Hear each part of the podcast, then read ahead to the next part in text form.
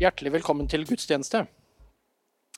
I dag har vi tema ekteskap og familie. Det har vi i kirka vår én gang i halvåret. Og det kan jo være en stor overraskelse hvis du kommer inn her og skal, hadde venta deg den oppbyggelige preken om Johannes 15. Det blir det ikke i dag.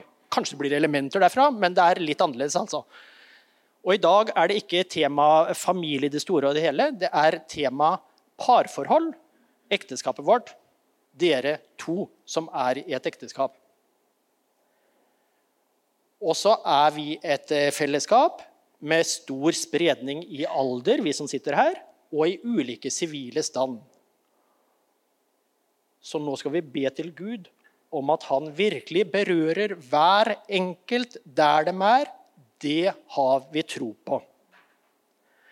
Jesus, jeg takker deg for at vi får lov til å komme sammen framfor deg og ber deg om at du må være sammen med oss nå og berøre oss. Jeg takker deg for at du er genuint opptatt av hver enkelt en av oss. At du elsker meg og Ådel og hver enkelt som sitter i salen, fullkomment 100% Og jeg ber deg om at vi skal få en berøring av din kjærlighet gjennom denne gudstjenesten, Jesus. Hver enkelt av oss. Amen. Ja. For Gud bruker jo bildet av ekteskapet eh, som et kanskje ofte haltende bilde på sitt forhold til oss en gang. Altså Hvis Gud skulle valgt ut én i salen som han skulle gifte seg med, så hadde han valgt deg. Han er hodestups forelsket i deg, og han ser fram til å forenes med deg for å leve i daglig fellesskap med deg. Omslutte deg, elske deg sønder og sammen. Du skal bli overveldet av Guds kjærlighet. Det er hans hjerte for deg. Det er mer enn nok å gå hjem på for hver enkelt av oss. Å hjelpes. Vi bruker av og til begrepet 'himmelstormet forelsket'. Det er der det kommer fra. Det er vedvarende, og det var ikke bare en flyktig følelse. Det var handling i gjerning. Han døde for meg for at han skulle løfte seg over i sin kjærlighet, sånn at det kunne øse det ut daglig. Mest mulig her på jorda, men her er det litt trøbbel. Så en gang så blir det en fullkomment sted hvor han får øse sin kjærlighet utover oss. Og vi kan se opp til ham og stråle av glede og slippe å rødme av skam for noe som ligger bak, for det har han dødd for. Og slettet ut. Vi er fri. Vi lever i hans kjærlighet. Hvilket utgangspunkt for gudstjenesten! Eh til hver enkelt av oss. Ja, det er herlig, Rune! Ja, ja, det er deilig, altså. Det er litt frihet. Og så skal vi gå på og dele litt liv. da. Vi har liksom kultur på disse samlingene hvor vi har familie og ekteskap. At vi deler litt av livet våre. For det kan være skape tanker, skape tro, skape håp. Tale inn i våre hjerter. Så sånn skal vi gjøre i dag også. Vi må få opp bildet på skjermen her, Sverre Mathias, hvis vi greier å få det. Ta nye grep det er tema for i dag. Og det er liksom målsettingen. Når vi ender opp på slutten av gudstjenesten, da skal du være motivert. Ja! Her var det noe som Gud berørte meg på. Dette skal jeg gå videre på. Og da er underspørsmålet Vi må alltid starte med hvorfor. Hvorfor skal vi jobbe med ekteskapet? Du må liksom være motivert. Og så skal vi si noe om hvordan du skal jobbe med ekteskapet. Og så skal noen få lov til å dele. Og Skal vi se, da. Hvem skal få lov til å dele? Er dere spent? Ja. Å ja meg! Eh, det er Anette og Pål, vær så god. Det er Anette som skal dele fra dere to. Men jeg har plukka bilde fra eh, nettsida til eh, Pål. Altså jeg skjønner hvorfor du valgte dette bildet. Altså. Kom igjen, Anette. Vær så god. Det er herlig.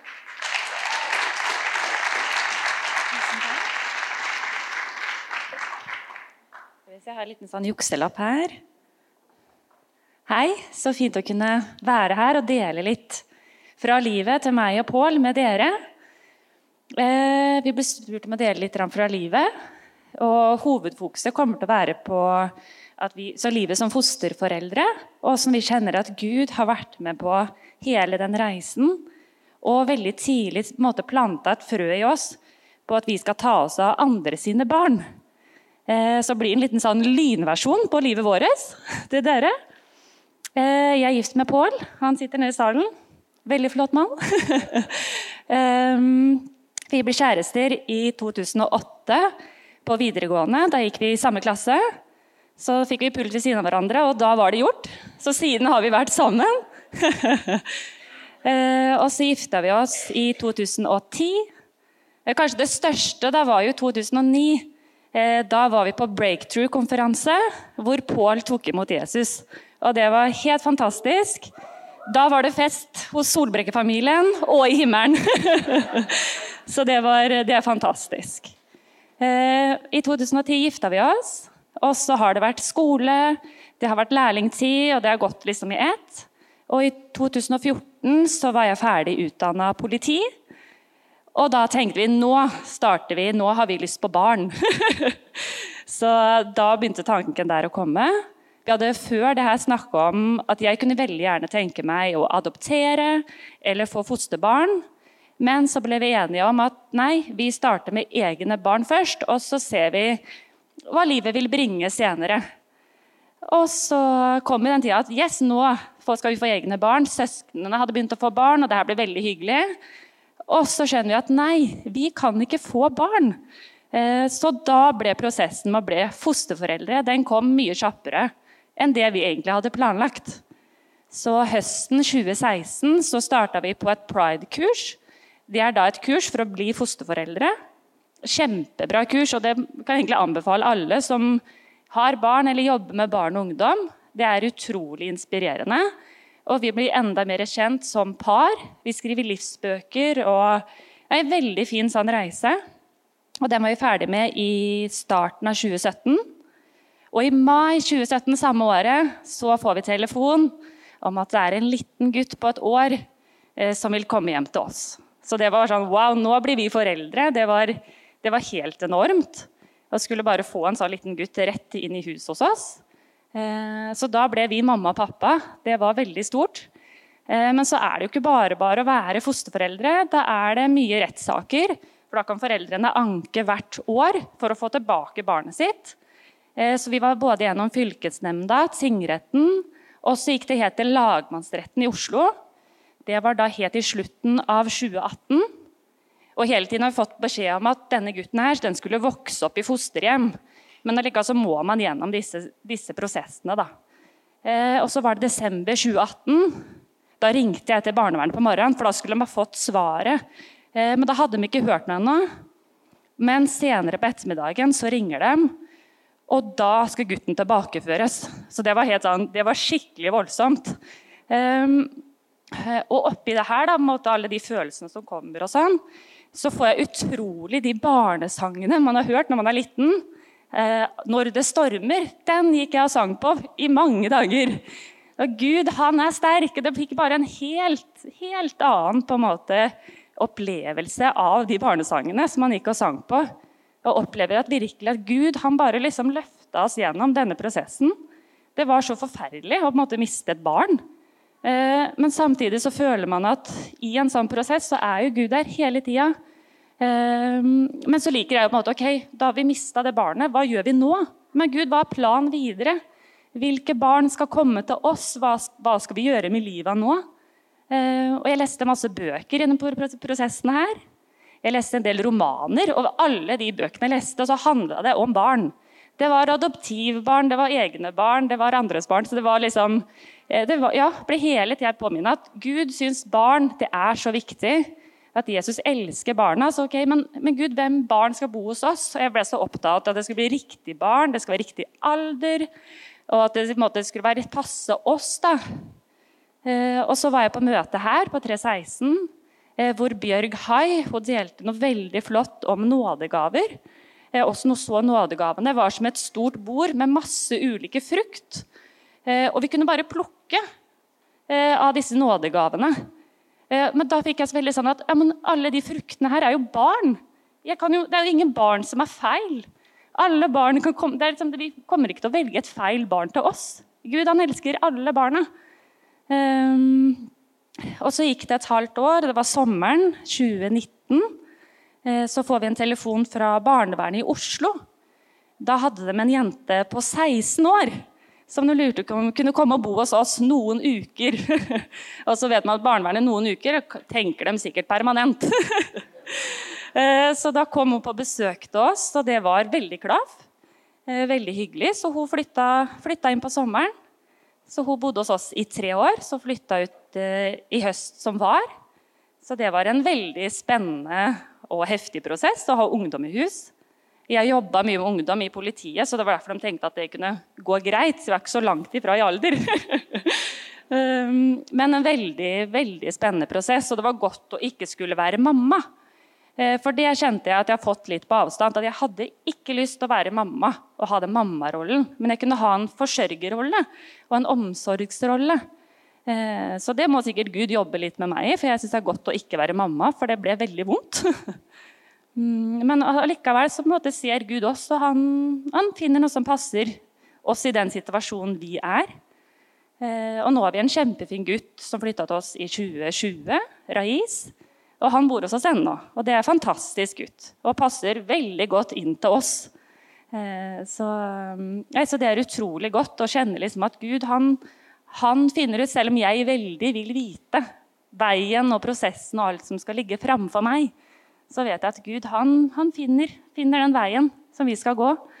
Eh, så det er godt. og man kjenner liksom, Jeg har hørt en del prekener, og sånn, og da var det litt om misjon eller mission. og Det, liksom, det føler jeg langt unna. Det er liksom de som reiser langt bort, og det er ikke meg.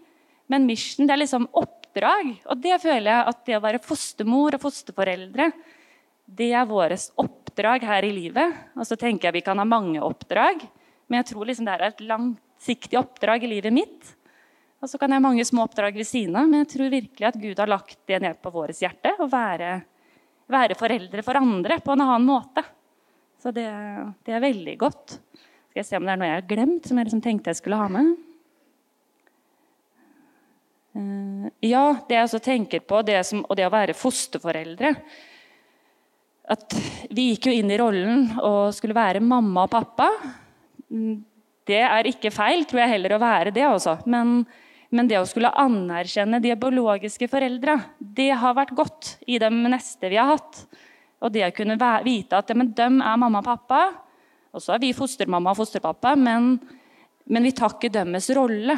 Og det har vært så godt i relasjon med fosterforeldra.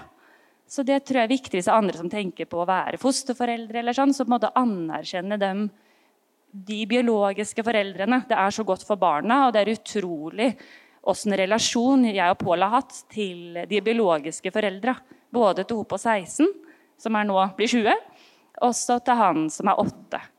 At de fosterforeldra har ordentlig liksom, connection med oss. og det er, det er, veldig godt for dem. Og det sier de til oss som er så trygge på at de barna skal være hos oss. Så det er ikke noe kamp om å ta deres posisjon da, og plass. Mm. Så det er vel egentlig det jeg har tenkt på. Um, og så Hvis det er andre som skulle tenke på å bli fosterfamilie eller fosterhjem, familiehjem, som det brukes litt nå, så er det bare å ta, ta kontakt med meg og Pål. Vi prater gjerne, på godt og vondt, om det å være fosterforeldre. mm, det var det jeg tenkte. Takk.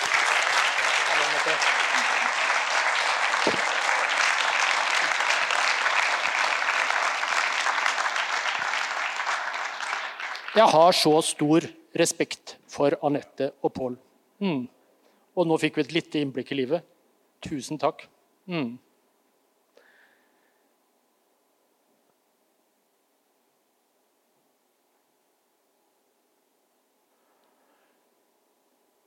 Nei, vi starter med hvorfor, vet du. Hvorfor jobbe med parforholdet? Da tenkte jeg vi skulle ha åpen mikrofon. Det hadde vært ganske spennende, egentlig. Jeg syns det er helt pyton å krangle med Odel. De heftige kranglene hvor jeg er mutt i tre dager, de spiller inn på forholdet mellom oss to og ungene med merkere på tempen i hjemmet. Hvis du er i en periode hvor det har gått eh, trått et eh, halvår eller tre, så ville du brukt eh, andre ord om hvordan det preger deg, og hvordan det preger ekteskapet deres, og hvordan stemningen i hjemmet er. Eh, noen eh, har opplevd å måtte gå fra hverandre. De hadde sagt noe annet. Kanskje hadde de sagt takk og pris at jeg kom meg ut, at jeg ikke ble ødelagt. For jeg merka det ødela meg. Men du verden hvor mye sorg jeg bærer på. Hvilken innvirkning det har. Og så ville det vært mange spektre eh, av stemmer i hvorfor jobbe med parforholdet. Det virker inn på oss sjæl. Det virker inn på forholdet til den vi er gift med. Det virker inn på barna. Blir det brudd, så virker det inn på eh, storfamilien, selskaper. Eh, man henger ved hverandre gjennom hele livet på venner, på arbeidssted. Det er innflytelse på mange områder. Statistikker, eh, intervjuer med de som eh, har opplevd skilsmisse, det sier at det er en ganske stor prosent som egentlig angrer etter en viss tid. Det er større omkostninger enn det man tenkte seg. Så jeg tror at i utgangspunktet så er vi grunnleggende enige at det er klokt å jobbe med forholdet. tror jeg. Og det skal vi si noe om for at vi kommer ut av det. Og Jesus han var jo veldig tydelig. kom opp i første, altså Han starta helt framme i boka. Han venta ikke til eh, Salmenes bok, men han sa i første Mosebok, andre kapittel Derfor skal mannen forlate sin far og sin mor og holde fast ved sin kvinne. Eh, og Han gjentar det på ulike måter. Når Jesus var her sjøl, eh, sa han at 'hold sammen resten av livet'. sa han flere ganger. Det er min opprinnelige tanke. Det er best for dere. Hvis dere skal ha det best mulig, så er det utgangspunktet. Og så lever vi i en fallen verden. Av og til så er det ting som kan eh, ødelegge mennesker, men det er i utgangspunktet eh, kanskje ytterpunktene. Skal, det opprinnelige er å blomstre og få det beste positive ut av det. Odel, vær så god. Ja, så kan vi tenke da hva er det som gjør at liksom, det blir litt sånn tråkke dager i parforholdet. For det tror jeg vi alle har møtt på eller vil møte på. Hvis dere er relativt nygifte, så har dere kanskje ikke vært der ennå. Men det er noe med de grå hverdagene. da. Ferien er over og vi kommer tilbake, så blir det liksom akkurat som den hverdagsligheten tar over forholdet. Kanskje vi opplever at vi lever litt sånn parallelle liv. Vi er ikke helt connecta, liksom. Det er travelt. Og det som er så rart, så selv om vi vet at forholdet er det viktigste, så er det likevel det som blir den salderingsposten. Det er det som ofres først når hverdagen blir travel. Og så skal vi prøve å endre på det. da, Og hva kan vi gjøre da? Og da tror jeg vi må ha liksom, hvert fall to tanker i hodet på én gang. Og det ene er det at eh, den forelskelsesfølelsen, altså disse kjærlighetsfølelsene, intimitet og sex og nærhet Alt det her svinger i løpet av livet. Vi kan ikke forvente at det skal ligge oppå det planet her og være helt tipp topp hele tiden. Eh, så vi ikke har feil forventninger innenfor hva et velfungerende parforhold skal være. Da. Det vil svinge i ulike faser i livet, så at vi er realistiske innenfor det og snakker om det nå er det litt travelt, nå er det litt tøft, liksom. Nå er vi ikke helt på, men uh, det går over, det her. Og det andre er det at det er perioder i livet hvor rett og slett partneren din ikke kan være første prioritet. Eller andre, da. Selvfølgelig, jeg snakker jo om Gud som nummer én hele tiden. Men dere skjønner hva jeg mener. Fordi at det er andre ting rett og slett som krever oppmerksomheten din. Det kan være en veldig travel småbarnsfase hvor dere har mye sykdom og lite søvn og lite overskudd til hverandre. Eller det kan være i en fase som vi har vært i, med gamle foreldre som krever mye omsorg og støtte.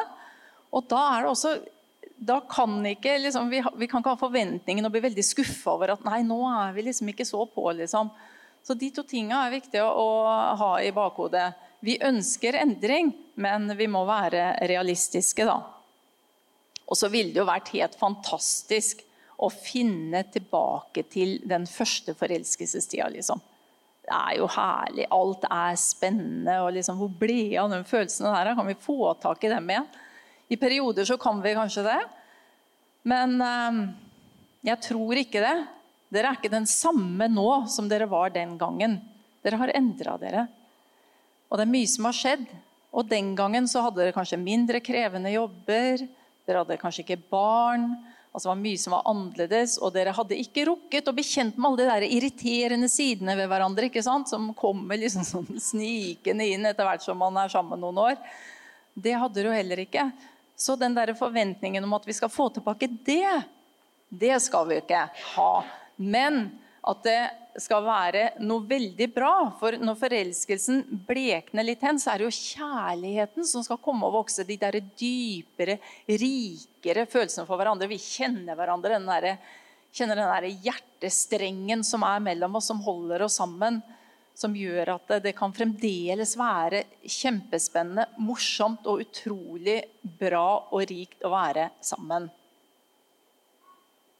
Men så er det sånn at hvis du føler at forholdet ditt glipper litt Og det bør ikke være så mye, man må jo ikke vente på at det blir ille. liksom. Men hvis du føler at det, nei, nå er det, nå er det litt trått, da må du ta noen grep, for det går ikke over. Det er så mange som tenker at det, ja, men det går seg til, liksom. Uff, det er vel bare midlertidig, vel. Bare en liten periode nå kanskje så går det over. Og det kan jo kanskje være sånn veldig sjelden. Eh, hvis man har prata om det, og det, i de periodene som jeg snakka om. Men dette her det må dere ta tak i. Rett og slett må ikke vente på at det går over. Det er ingen tid å miste, egentlig. Da må man begynne å snakke sammen, og da må man begynne å gjøre noe med det. Og det blir ikke endra. Kommer ikke til å forandre seg hvis ikke en av dere som er involvert, tar grep sånn at det blir forandring. Så hvordan da jobbe med parforholdet? Du må starte med grunnmuren når du bygger hus. Du ble spurt når du ble viet. Lover du å elske og ære og bli livet ut?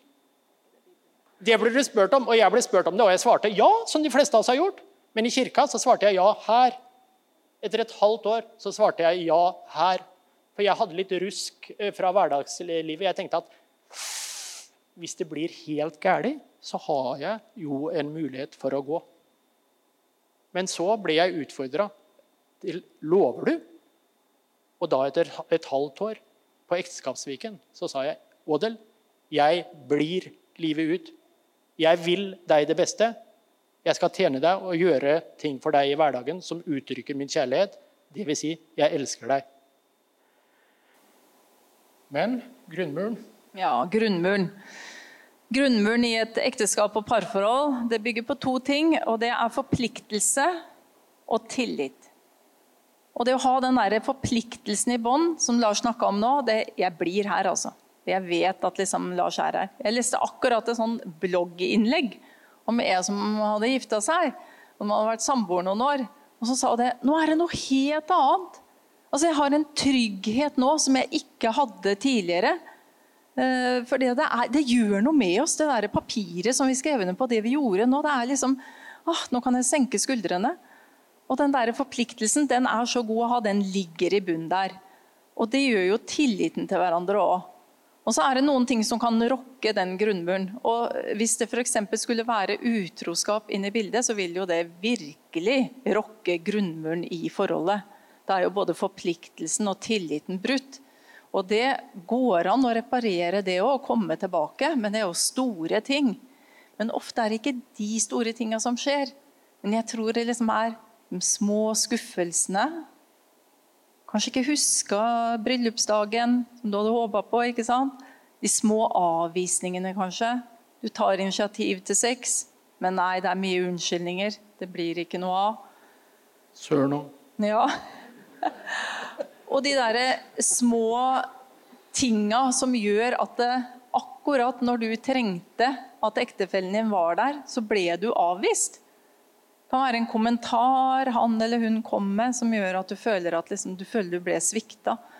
Så alle de der små tinga i hverdagen som bygger seg opp over tid, tror jeg kan skape sånne små brister i grunnmuren litt etter litt sånn at han blir litt mindre solid. Og det er jo et trikk i det å jobbe med forholdet. Det er ikke bare lett. Alt dere så bildet av eh, Tor og Julie som skal gifte seg nå til sommeren. Det å få det til å gå opp, både vannrett og loddrett, det er ikke bare bare i et parforhold. Eh, hva gjør du da? Eh, da søker du råd. Eh, så eh, han spurte alle, han har jo masse følgere, så han spurte alle sammen på Instaen. Fikk 227 kommentarer.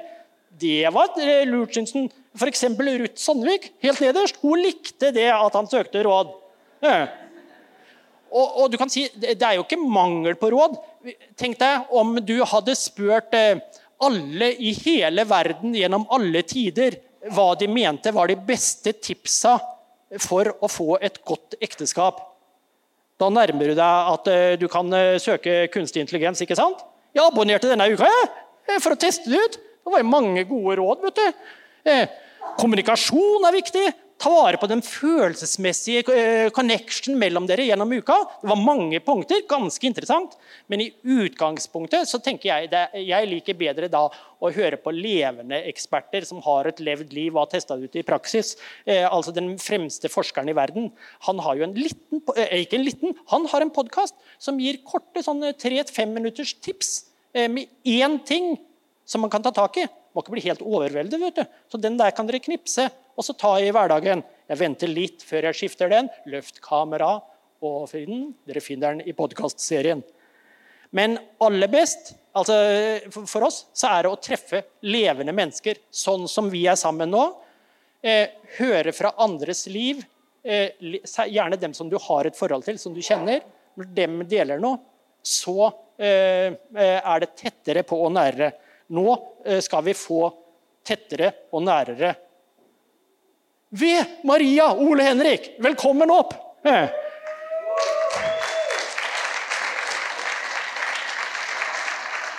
Som dere ser av bildet, så overlevde de 2020. Hva var det som gjorde at de overlevde 2020 og videre framover nå? Nå får vi høre dere. Ja, jeg vet hva du tenker. De ungdommene der de kan jo knapt være gift, tenker dere nå. Tusen, tusen takk, sier jeg da. Men eh, vi har jo faktisk eh, regna litt på det i stad. Eh, I juni så har vi jo vært kjærester i 26 år og gift i 20. Så det har jo blitt noen år. Så vi har jo fått litt erfaring òg. 19. Nei, 20. 19. Nei, for det er 2004. Ikke tull med tellinga. Det er viktig å alltid ha rett. Ja. Det har jeg lært meg. ta fram lista, jeg. Ja. Ja, du kan jo begynne med den første. Skal jeg begynne? Ja. Vi har lagd noen punkter.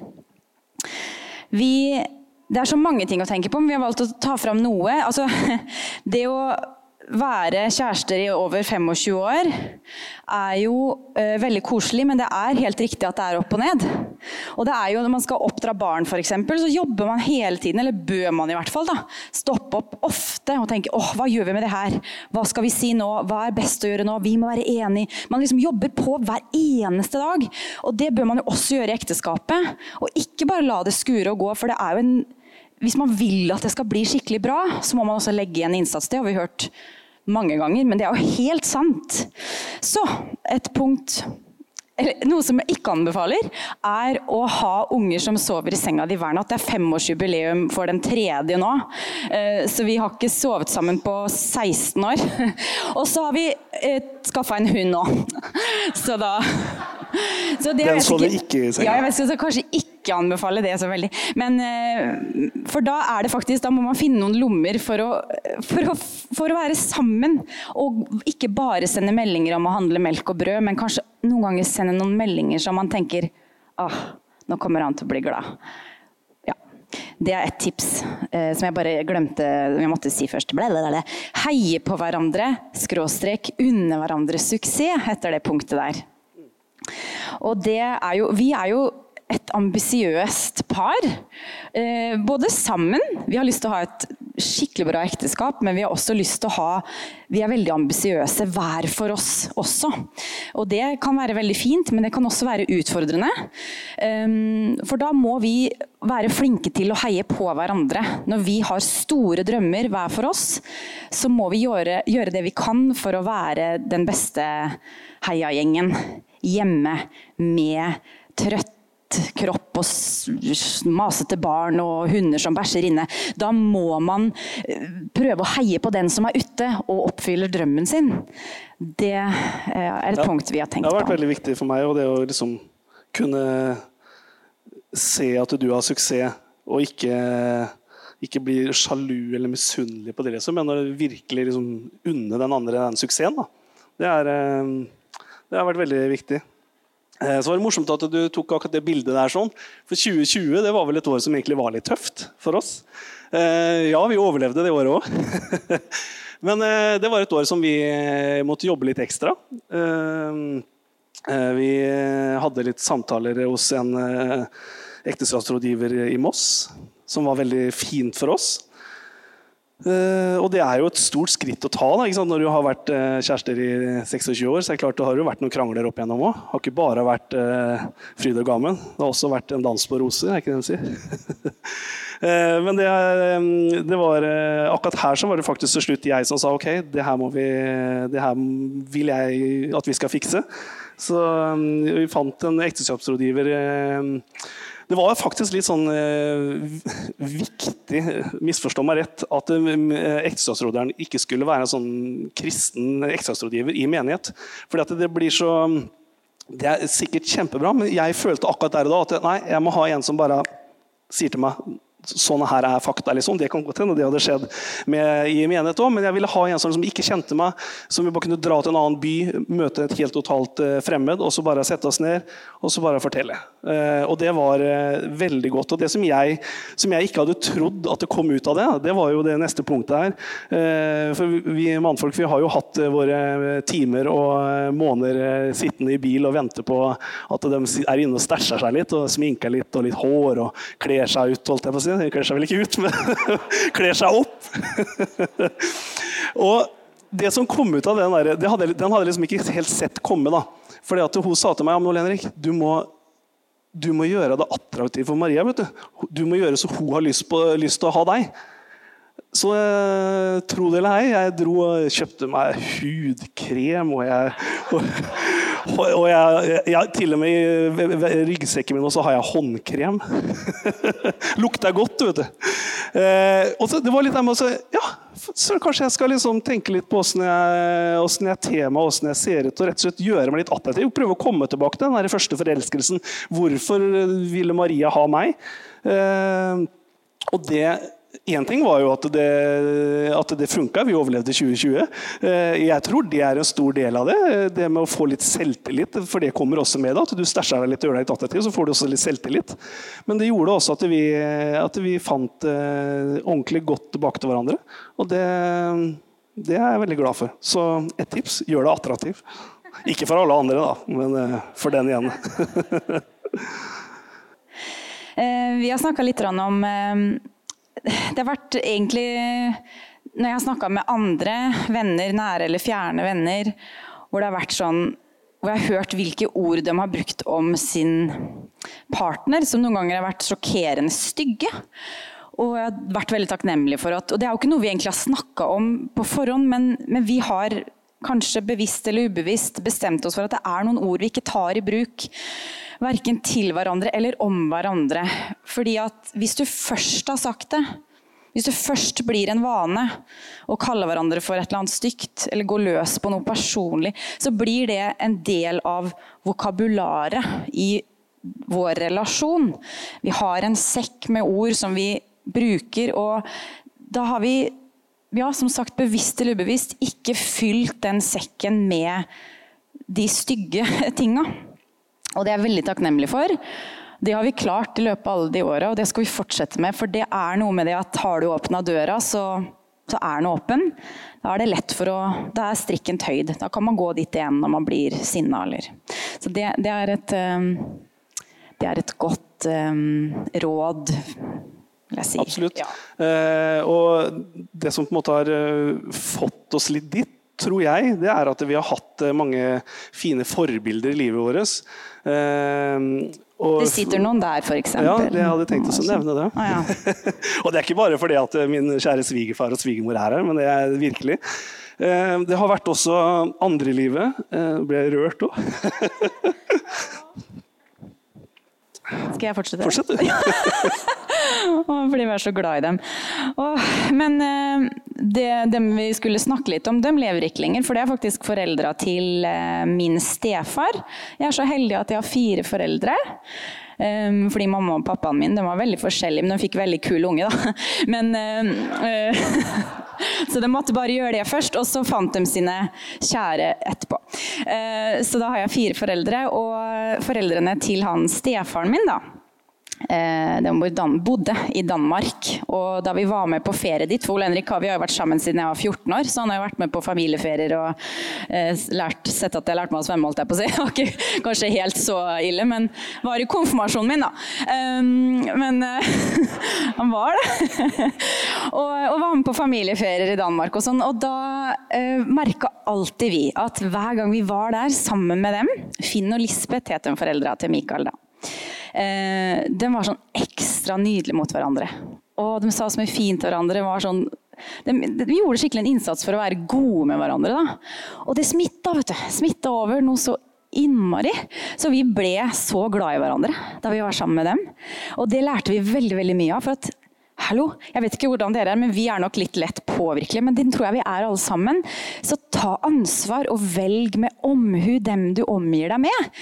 Og velg gode forbilder. For det smitter over, altså. Så vi hadde det så mye bedre da vi var sammen med dem. Vi skulle om det, at hvorfor, hvorfor, har vi det så bra nå, husker jeg vi sa en gang. Og det var liksom, kom fra at ja, nå er jo Finn og Lisbeth på besøk. Og Det var veldig, var veldig sånn eh, aha-opplevelse. Det gjør noe med deg når to stykker på 75 sitter og holder hverandre og kysser hverandre på munnen før vi spiser middag. Liksom. Det, det, gjør noe med deg. Et annet eh, som eh, John og Jenny vil ha, så er sånne gammelt ektepar som bare oser kjærlighet. Sånne er gode forbilder. Så det, det, har vært veldig viktig for oss da, å omgås med de sterke forbildene. Uh, skal vi se om du kan ta mm, Den kan du ta. vet du. Ja. Uh, et sånt veldig viktig punkt, eh, i hvert fall for meg, men jeg tror det er det for deg òg, eh, er for når vi har her, eh, den hverdagen som vi har med, med, unger og jobb, og det er veldig lite tid for oss. Så den må vi ta. Vi får ikke den. Så vi har vært flinke til å reise bort og dra på kjærestetur. Bare oss to og sitte og skravle og le. og Det har vært så bra. Og jeg tror kanskje ikke at det hadde vært så bra mellom oss hvis vi ikke hadde gjort det. Så jeg oppfordring til alle kjærestepar og ektepar. Eh, bestem dere for bok det etterpå. Når skal vi på neste kjærestetur? Det bør være en gang i halvåret. Og En ting som har vært viktig med det for oss, da, det er jo at uh, en ting er liksom, ja, okay, vi kan ha, si som generelt, vi kan ha en kjærestetur i år eller to, eller hva det blir. Uh, men faktisk gjøre det når det stormer, når det er som tøffest også. Vi har jo fått uh, god trening på det med sykt barn gjennom 16 år. Og selv om det har vært på det tøffeste der, så har vi faktisk trukket oss litt tilbake og tatt den tiden som kjærester da. Det er vært vanskelig, men det er ingen som har sagt at eh, liv og parforhold skal være lett. Så det har vært en utfordring, men jeg tror det har vært veldig veldig, veldig sunt for oss. Ehm, så tenkte jeg kunne si avslutningsvis den der, sånn. Den er fin. Eh, det sitter kanskje flere her som husker eh, gamle doktor Buer, som bodde på Slevik-platået. Husker dere han? Doktor Buer. Ja. Manstad? Ja, Han hadde kontor på oh, ja. Manstad, men han bodde på Slevikplata. Han var min fastlege, vet du. Eh, og det var helt i starten jeg og Maria ble sammen. Eh, og, eh, og, Innledningsvis her så sa jeg at vi hadde vært gift i 20, men at vi hadde vært kjærester i 26 år.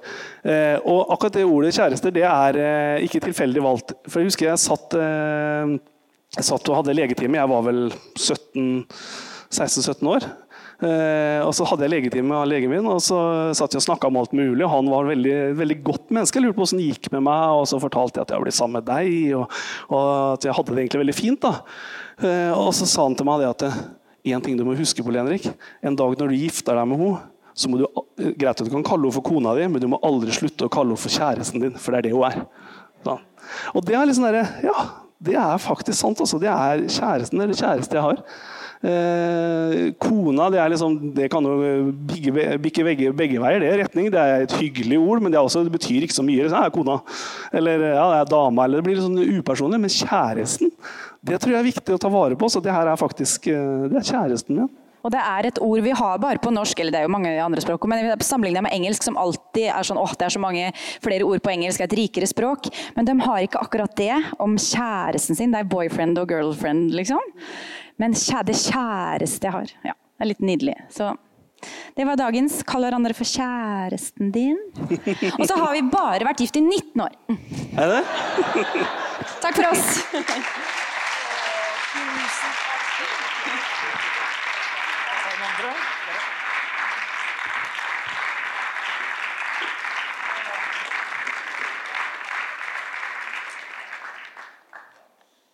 Var ikke det bra?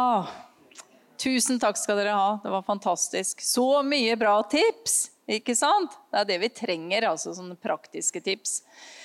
Skal vi prøve å oppsummere litt? da? Vi har jo snakka litt om hva som kan skaffe disse små bristene i, i, grunnmuren vår, som vi kanskje må ta en status på. da.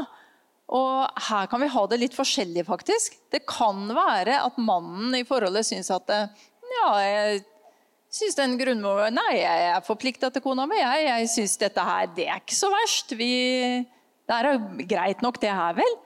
Og så kan det hende at kona sitter og ikke har det på samme måten. Eller vice versa, da.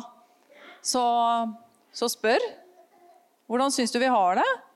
Hvordan er grunnmuren vår? Hvordan, eh, hvor, er vi nå, liksom, i forholdet? Så ta, ta en sjekk på det.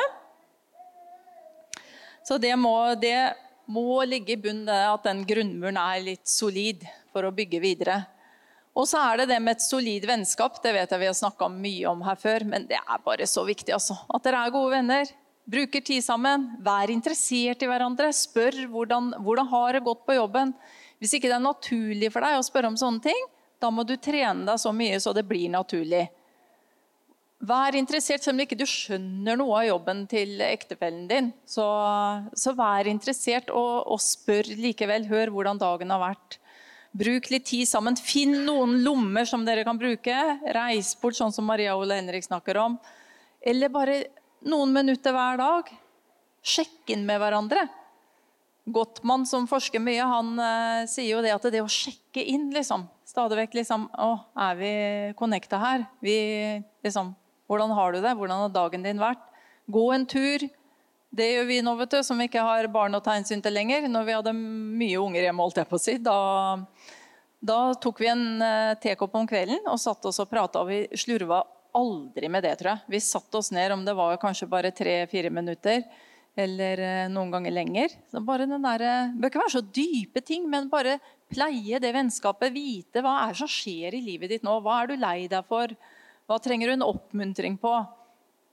Og det å støtte hverandre, da, det er liksom heie på hverandre, sånn som Maria Ole Henrik snakka om. Og det å vite at selv om sjefen kanskje har sagt noe til ektefellen din som eh, Ja, men det var jo helt riktig. Du kom jo mye for sent, liksom. Kanskje har fått en liten reprimande da, og ble veldig lei seg for det. Så skal du liksom Du skal være på ektefellen din side. Ja, men han Sjefen din skjønner han ikke hva han har i deg. Han kan ikke si sånn. vet Du kan ikke være sånn. liksom. Du skal støtte opp og være, liksom skape den derre Det er oss. Det er oss mot resten, liksom. Den derre vi-følelsen. At vi kjemper litt for det, da. Og så tror du kanskje du kjenner ektefellen din godt. Dere er gode venner, dere har vært sammen i mange år. Men ektefellen din er jo ikke den samme nå som den var når dere gifta dere, eller for mange år siden. Vi utvikler oss hele tiden. Forandrer oss hele tiden. Og noen ganger så vet vi ikke det sjøl engang. Når Lars har spurt meg om noe, liksom, så har jeg liksom tenkt å ja, så han hjelper meg rett og slett litt å finne ut mer om meg sjøl. Og sånn kan vi eh, være med på en sånn spennende reise. Da. Være en del av hverandres liv. Være litt nysgjerrig på hvordan utvikler vi oss. Hvor er vi nå i forhold til hvor vi var før? Unngå å ta hverandre for gitt. Ja, det er liksom lett å si. Men uh, det tror jeg har med det å minne hverandre rett og slett på. Eh, altså Jeg må minne meg selv om alle gode egenskapene til Lars som jeg falt for en gang. For Du begynner å ta ting for gitt. vet du. Det er liksom helt naturlig at det er der. Du blir litt bortskjemt. Så da må jeg liksom minne meg sjøl på det. Hva, hva det er egentlig han har, som jeg er så utrolig glad for å si ja når den andre foreslår noe. Eh, når den andre foreslår kanskje at man skal gjøre noe sammen, eller noe sånt, så, nei, Liksom. Det er jo så bedrøvelig å få det svaret. Så liksom Ja, det kan vi gjøre. Strekk deg litt lenger. Vær med på det som ektefellen foreslår.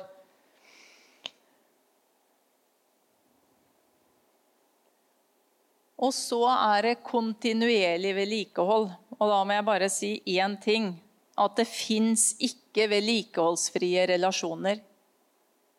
Jeg tror vi skal si det sammen, jeg. Ja. Én, to, tre. Det fins ikke vedlikeholdsfrie relasjoner.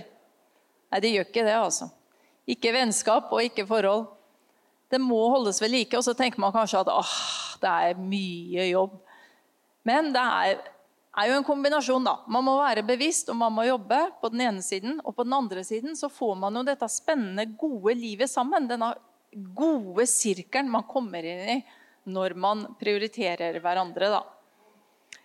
Bli bevisst på den andres kjærlighetsspråk og gi komplimenter til hverandre. Si, Bemerk det du ser som den andre gjør. Og så pent det er her i dag. Så god middag du har laga, så hyggelig du har rydda.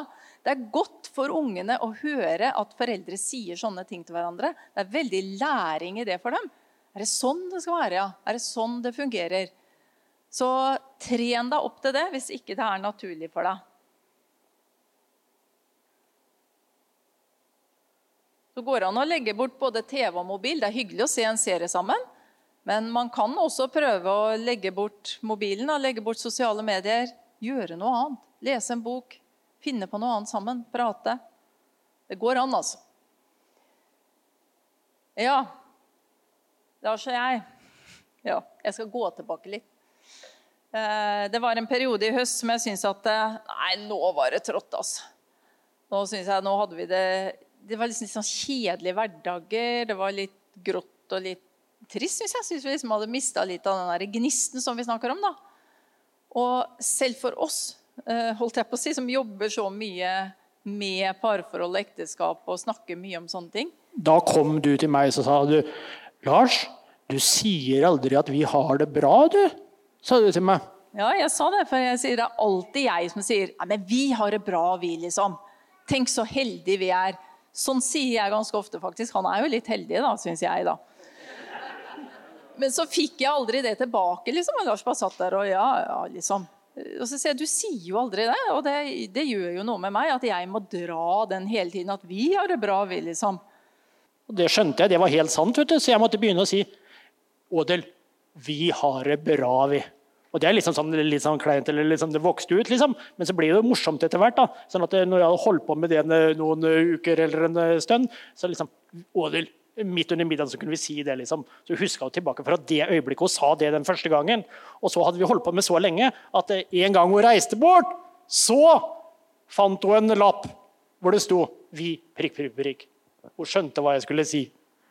Åpna kjøleskapet, og så hang den inni der, liksom. Ja, vi har det bra, vi. Og den har vi flytta rundt i huset, limt på innsida andre dører og sånn, vet du, fram og tilbake. Han ser litt sånn slitt ut der, da henger han på badedøra. Vi har hengt den litt rundt overalt bare for å minne oss sjøl på at ja, men vi har det faktisk ganske bra. Og så er det noe med det når du uttaler det, så gjør det noe med hjertet ditt. Altså Sånne ting gjør noe med deg. Selv om det føles kleint å si ting, så gjør det noe med partneren din å høre det. Så bare strekk dere litt lenger der. Øv dere opp. For det er noe med at endring det innebærer jo å gjøre ting som er helt unaturlig til det blir naturlig. Det er da det blir endring. Så vi må bare trene på sånne ting, altså. Og så det siste punktet.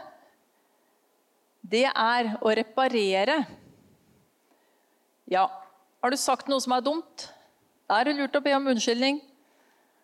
Og når du sier tingen så, og skjønner at i det øyeblikket du sa det Oi, det er glapt ut noe dumt, liksom. Så bør du ikke vente lenge heller.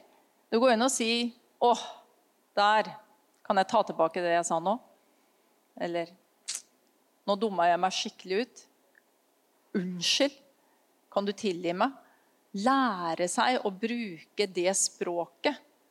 Ikke tenke at den andre skjønner jo at jeg er lei meg. Unnskyld, liksom. Men kan du tilgi meg? Si sånne ting ut. Og få, hvis dere er inne sånn at samtalen blir litt hett. Da. det går litt hett for seg, det bygger seg opp. Nå kan det liksom komme en krangel. Så lær dere til å gripe inn tidligere. Ta pauser og si at oi, nei, nå, nå bærer kanskje litt fort av sted her. Nå blir vi litt hissige begge to. Kanskje vi skal roe oss litt ned. Lære dere å reparere når dere kommer inn i sånne situasjoner òg. Og så, hvis en Eller bruke humor, liksom. Åh, der tråkka jeg i baret skikkelig, liksom. Ja, det gjorde du, altså. Og så kan man kanskje le litt av det sammen, og så har man reparert noe før det blir veldig vondt og veldig vanskelig. Så reparasjon, det er eh, kjempeviktig. Og for eh, den som da forsøker å gjøre et reparasjonsforsøk, da, si noe, da er det liksom en forpliktelse hos den andre til å, å ta imot ta imot det reparasjonsforsøket. Ikke liksom Ja, nå kan du ha det så godt når du var så dum og sa sånn og sånn. Men uh, ta imot det. Ja, det er sant. Nei, det er greit, det. Vi begynner på nytt. Så det var uh, en liten oppsummering av det vi tenker kan gjøre sånn at vi får tilbake gnisten, at vi connecter igjen, og at vi reparerer de små bristene som måtte være i grunnmuren vår. Så er det sånn at Lars og jeg vi er jo levende opptatt at dere skal ha det godt i ekteskapet deres og i familien deres. Det ligger oss sånn på hjertet, og det snakker vi om daglig, tror jeg. Så det er vi opptatt av. Men Og vi vil at dere skal ha det så godt at når dere setter dere ned i sofaen på kvelden for å se serie sammen, så kan dere sitte, selv om dere sitter i hvert deres hjørne av sofaen, så kan dere se hverandre i øya og så kan dere si 'Vi har det bra, vi'.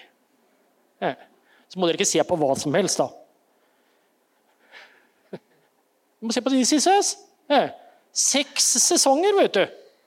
Eh, altså Knips og husk serie om relasjoner. Mange forskjellige ekteskap med mange varianter. Forhold til gamle foreldre, forhold til barn. Hvordan oppdra småbarn og hvordan leve med tenåringer i huset. Alkohol og rus og sex og samliv Det er så mye bra.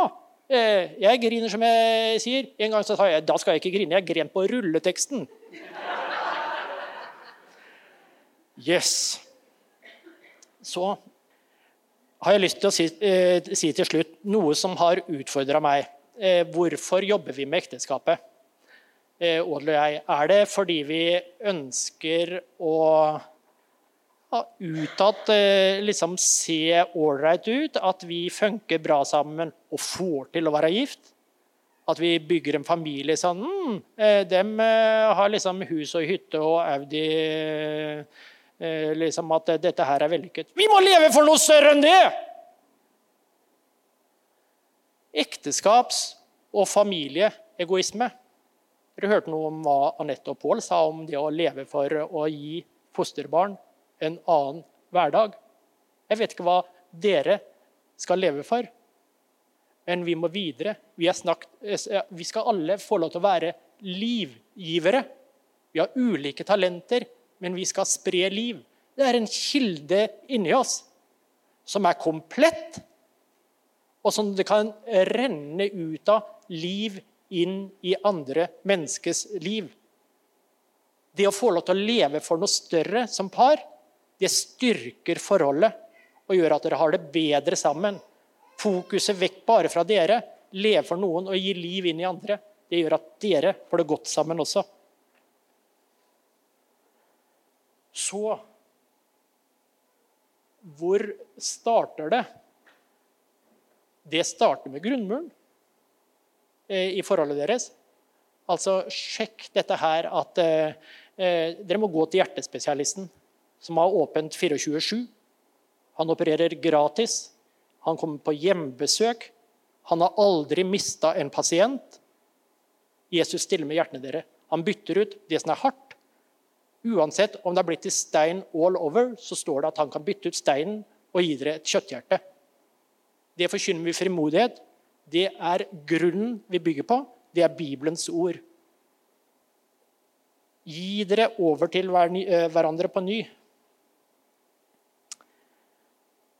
Noe av det vakreste jeg har sett når vi har vært på ekteskapsvikner og vi har hørt forkynnelse over tid, eh, masse par sitter i salen på en Viken eller på en leir. Det er når pappaene reiser seg og tar tak. Som sier at eh, nå vil jeg gjøre noe nytt i familien. Jeg vil reise meg. Jeg vet at eh, ikke alt har vært på plass. Skal vi prøve sammen? Jeg vil. Jeg blir hos deg. Jeg vil tjene og gjøre min del av det. Til og med fordi jeg ikke har strukket til på. Nå starter vi på nytt. Som regel når en mann gjør det, så følger kona etter. Det er vår erfaring. Jeg tror det er noe guditt over det. Gud hjelp mønne.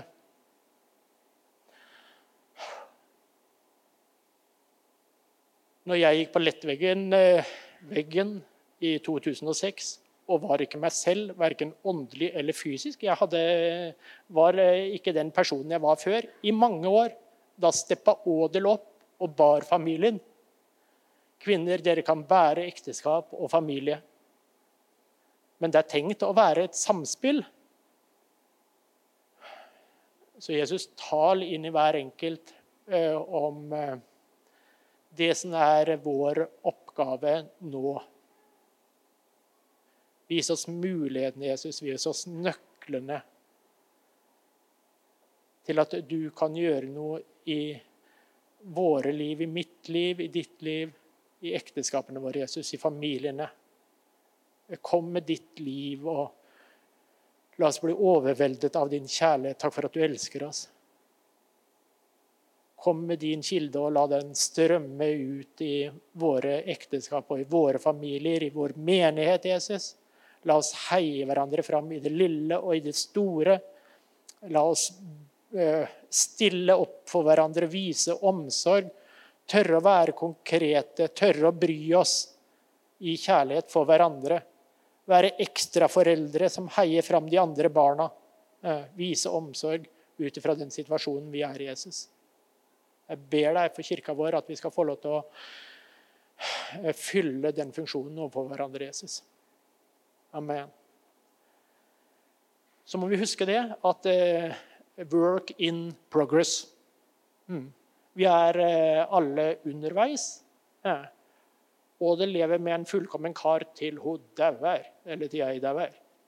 Ja så er det om å gjøre at Gud får lov til å stelle mest mulig med meg for å løfte vei videre til glede for meg selv og for henne og for barna og for dere og jeg vet ikke for hvem.